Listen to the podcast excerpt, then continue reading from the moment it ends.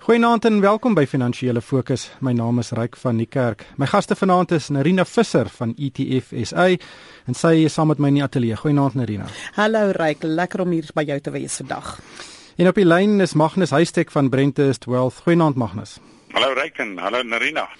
Wel die nuus van die week is natuurlik die dat aandelemarkte reg oor die wêreld hierdie week eintlik op eiers geloop het. Eers was dit nadat die Grieke nee gestem het in hulle referendum En toe die Chinese aandelemark op 'n harde manier geleer dat alles wat te vinnig opgaan, baie vinnig weer afkom. Nerina, kom ons begin by die Chinese. Weet die Chinese aandelemark het op 12 Junie sy hoogste vlak die jaar bereik. Uh, en dit het in daai jaar met 'n stewige 150% gestyg en in 3 weke het dit met 30% teruggeval. Die Chinese regering het probeer ingryp, maar uh, dit lyk regtig of hier 'n borrel gebars het.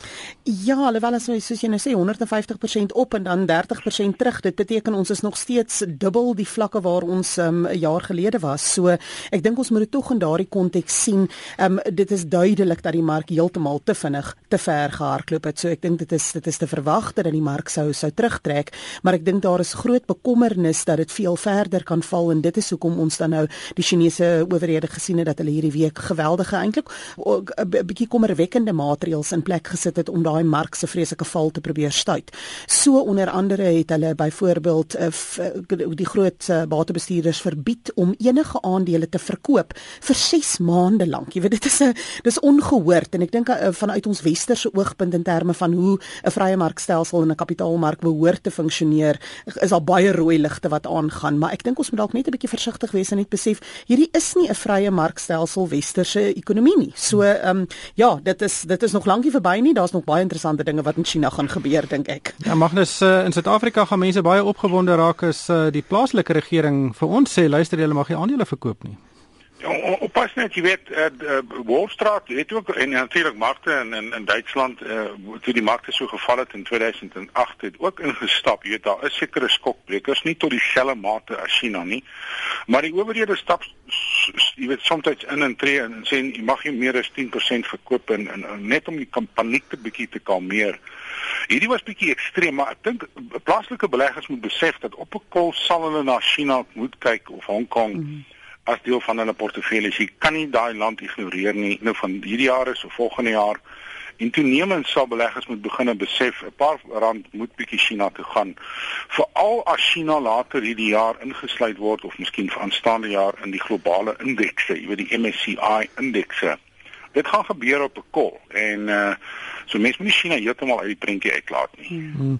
Bloomberg het dit vir my baie interessant opgesom. Hulle het gesê die die Chinese regering het met sy eystervuis probeer om uh, arm te druk teen die onsigbare hand van Adam Smith en hy het verloor. Ek dink dis 'n uh, Anerina, dis 'n baie goeie beskrywing. Dit is 'n goeie beskrywing, maar ek weet nie of ek heeltemal noodwendig saamstem dat hy verloor het nie. Jy weet ek stem definitief met Magnus saam as mens kyk na die rol wat China speel en jy weet ons het 'n ons het 'n ekonomie daar wat oor die afgelope 10, 15 jaar gegroei het tot 'n absolute reus, die tweede grootste ekonomie in die wêreld. Maar ons het nie terselfdertyd gesien dat die aandelebeurs daar dieselfde soort van rol in wêreldmarkte speel nie. So as mens net kyk na waar China vandag staan in terme van aandelemarkte, kan mens dalk sê hoekom dit ons enigstens pla want dit is dan nou nog so klein persentasie van wêreldmarkte.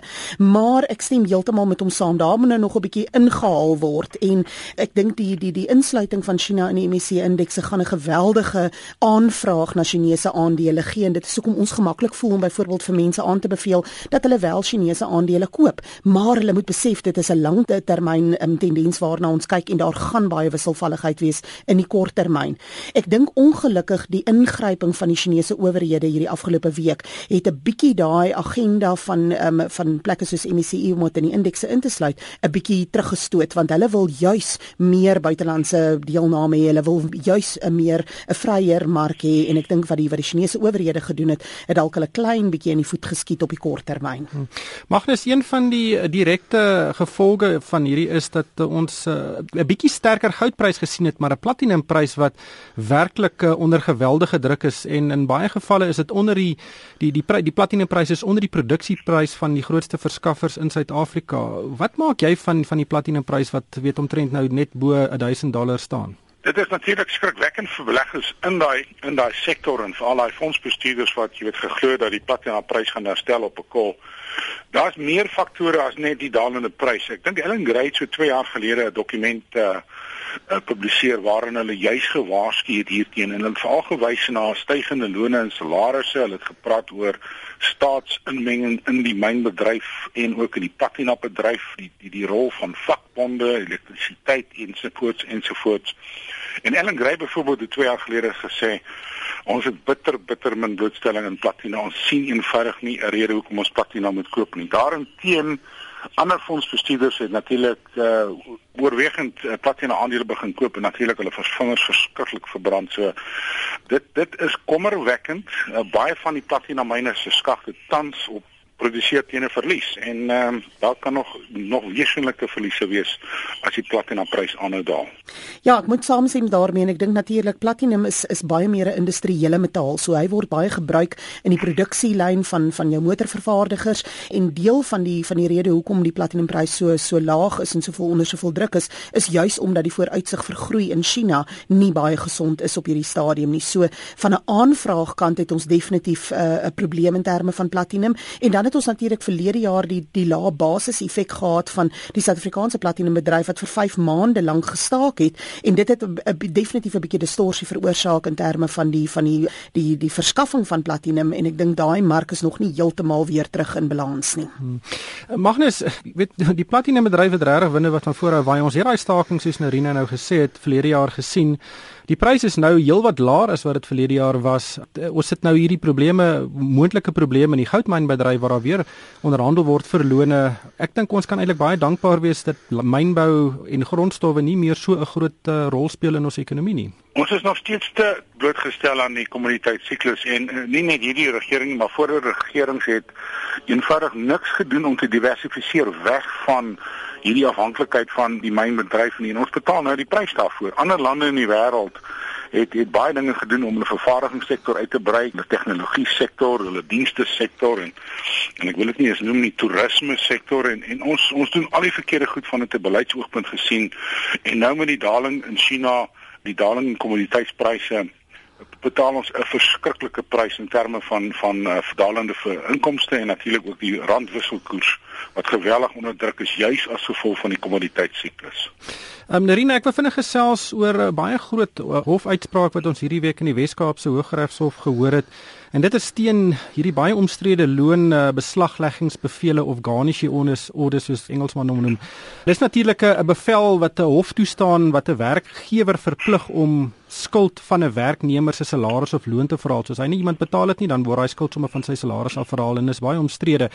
In die hofsuitspraak het gesê dat die manier waarop hierdie bevele uitgereik is is nie is ongrondwettig en onwettig omdat dit die hele bedryf is eintlik 'n nes. Ehm um, weet van waar jy die skuld toestaan aan iemand, dit word roekeloos toegestaan. Mense weet daai mense kan dit nie terugbetaal nie, maar hulle is nie so bekommerd nie want hulle kan met hierdie uh, skuldbeslagleggingsbevele daai geld baie maklik terugkry.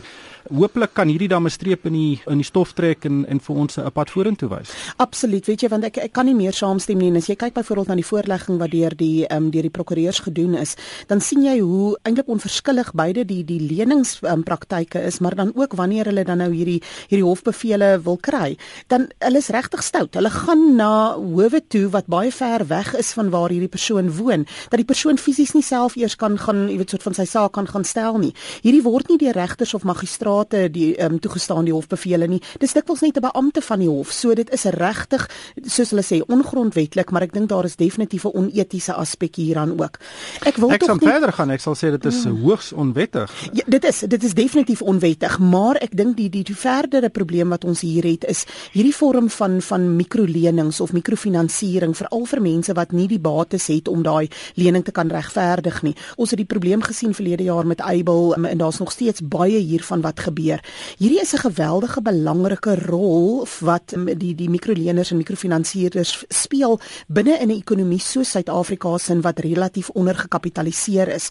So dit is hoekom dit ook so belangrik is dat ons die reëls baie mooi vasmaak en dat dit op 'n regverdige basis geskied dat jy terselfdertyd vir die verbruiker kan kan beskerm dat hy wel toegang kan hê tot hierdie vorm van krediet krediet, maar terselfdertyd dat jy ook die persoon wat die leenwerk doen, daarom ook beskerm dat daar 'n uh, regverdige kans vir hom is om sy geld weer terug te kry. Ek ek wil net ook uh, Moneyweb se rol hier in uit, uitwys. Ryk, I mean, jou hele verslaggewers het vir jare hieroor geskryf. Dit was baie duidelik dat daar uh, soos jy sê kriminele aktiwiteite was en en in die die, die dit was 'n paknes van kriminele bedrywighede En en ons baie mense het lankal gesê iets moet gedoen hmm. word en en uh, op die ou ende was dit Wendy Applebaum wat die geld gehad het om hierdie mense aan te vat want you know Winnie Applebaum is natuurlik die dogter van Donnie Gordon.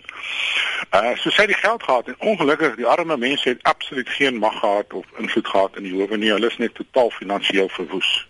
Ja, die realiteit is baie mense neem skuld aan wat hulle nie kan terugbetaal nie, maar dan moet hulle nog steeds met 'n regverdige proses in aanhalingstekens vervolg word of uh, dan met die manier waarop daai geld teruggekry word moet regverdig wees. Maar Magnus, ek dink die duidelike boodskap is as jy vandag 'n onderneming bedryf in Suid-Afrika en daar is weet eh, beslagleggingsbevele op van jou werknemers se salarisse, dan moet jy dit laat audit en seker maak daai hmm. goed is wettig. Wel Chris Griffiths van uh, ek dink Impala Platinum uh, was verkwoteer in een van die berigte. Angloplus, ja. O, Angloplus, hy het gesê ek ek gaan daai goeders ignoreer.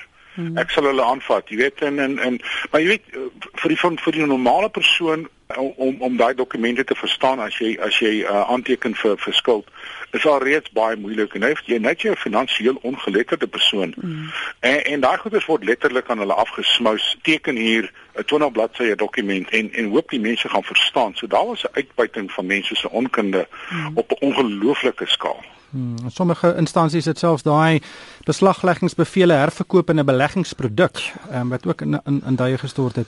Maar Magnus, ek bly sommer by jou. Daar was ons het hierdie week terugvoer gekry van die belastingkomitee van eh, van die tesourier onder Dennis Duwys en hy het gesê ons kan Suid-Afrika moet al kyk na 'n verhoging in die BTW koers omdat dit die mees doeltreffende manier sal wees om belastinginkomste te verhoog. Wat wat is jou siening daarvan? Hy is besig om ons voor te berei vir 'n verhoging in BTW. Dit is soos hy sê maklik vinnig die mees pynloosste want dit is baie duidelik dat met die met die ekonomie so swak soos wat dit tans is wat teen 1.5 1.8% gaan groei, gaan daar 'n wesenlike tekort op die invordering van belasting wees.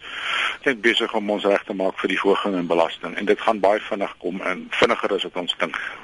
Maar Rina, dink jy nie weet as as as jy dink die die regering het uh, kiesers omgekrap met die etolle etoltariewe op die Gautengse snelweë, dink jy 'n BTW verhoging gaan nie dalk presies dieselfde doen nie? Dit mag dalk, maar ek dink dit is die regte manier om dit te doen. Dis die mees regverdige, soos mag gesny, dit is definitief die maklikste en die vinnigste manier om dadelik meer geld in te kry, maar dit is ook die mees regverdige manier om dit te doen. En ek dink as hulle dit dalk um, kan laat gepaard gaan met 'n verlaging in die marginale koerse of die persoonlike belastinglas effens verlig dan dink ek kan dit dalk 'n bietjie meer meer uh, soort van aanvaarbaar wees vir mense. Van die interessante dinge wat wat ek gelees het in in die verslag die afgelope week is dat hulle um, ek weet ek dink baie van ons het verwag dat as hulle BTW verhoog dat hulle ook die aantal produkte wat wat zero tarief het sal meer maak. En die aanbeveling is is is, is eintlik presies die teenoorgestelde om die waarheid te sê dat hulle voel dat daar is onregverdige voordeel wat juis deur jou ryker mense geniet word in die zero tarief op dinge soos melk en um, en vrugte byvoorbeeld. So daar is selfs in terme van wat op hierdie stadium op 'n zero tarief is word daar voorgestel dat dit dalk anders um, benader word. Ek dink een area wat ons definitief 'n um, baie sterker uh, wetgewing sal sien is wel ook in die sogenaamde e-commerce of die e-besigheid. Op hierdie stadium al jou dinge wat jy deur Amazon of um, jy weet jou jou iTunes of wat ook al koop, daar's nie BTW daarop betaalbaar in Suid-Afrika nie en dit is 'n area wat die regering baie definitief en en wat die Davis Tax Kommissie ook spesifiek identifiseer het as 'n as 'n plek waar daar baie meer um, belasting wel ingevorder kan word en ek dink dit sal 'n goeie manier wees om addisionele belasting te kry sonder om die breë publiek um, regtig seer te maak. Hmm. Magnes net laastens, daar was 'n berig hierdie week ook dat 8000 dollar miljonêers Suid-Afrika in die laaste 15 jaar verlaat het. Nou ek, ek dink ons moet vir Magnus dankie sê daarvoor. Magnus, uh, soos Narina nou sê, weet baie mense waarsku oor Suid-Afrika. Hoe voel jy oor jou rol daarin? ek is sprakeloos. ek het gedink dis moontlik vir my om jou sprakeloos te kry, die Magnus. ja, ons praat van die jaar 2000, dis nou reeds 15 jaar gelede. Ek is verbaas dat ons net 20000 dollar miljonêers gehad het. Ek dink daai verslag ondertel die getal dollar miljonêers. Maar kom ons neem aan die die die syfers is korrek, dan beteken dit dat 40% van ons dollar miljonêers het geëmigreer. Nou dit is 'n skrikwekkende is 'n skrikwekkende uh, syfer want dit is mense juis met die met die met die kapitaal, die kundigheid en en, en heel waarskynlik die besigheidsvermoë wat wat land uit is en daar's ander verslae wat ek ook nog gekyk het Die afgelope 20 jaar het so wat 600 000 Suid-Afrikaners geëmigreer. Nou ongelukkig is dit ook ons belastingbasis wat ons uitvoer. Die mense sit in Australië, Verenigde Koninkryk, Kanada. Hulle betaal belasting daar en ons het nie genoeg tyd om te bespreek hoekom nie, maar jy weet mense neem besluite oor die toekoms. Hulle is bekommerd oor hulle kinders opvoeding en sekuriteit. En hulle sê ons kan bekostig om te trek. Ek dink daai storie het verander. My nie skerp daling in die rand het die ehm um, die emigrasie hek baie baie kleiner geword. Dit is eenvoudig net te duur. Praat met baie hmm. mense, hulle sê selfs met 'n 20 of 'n 30 of 40 miljoen rand kan ons nie bekostig om om te emigreer nie en en ons is maar hier in Suid-Afrika. So dit is 'n kommerwekkende kommerwekkende syfer. Maar daai verslag sê wys ook dat internasionaal is die beweging van kapitaal baie baie anders as wat dit 20 jaar gelede was. Ehm um, dit daar is baie miljardêers of miljonêers wat uh, van verskillende lande na ander lande toe trek.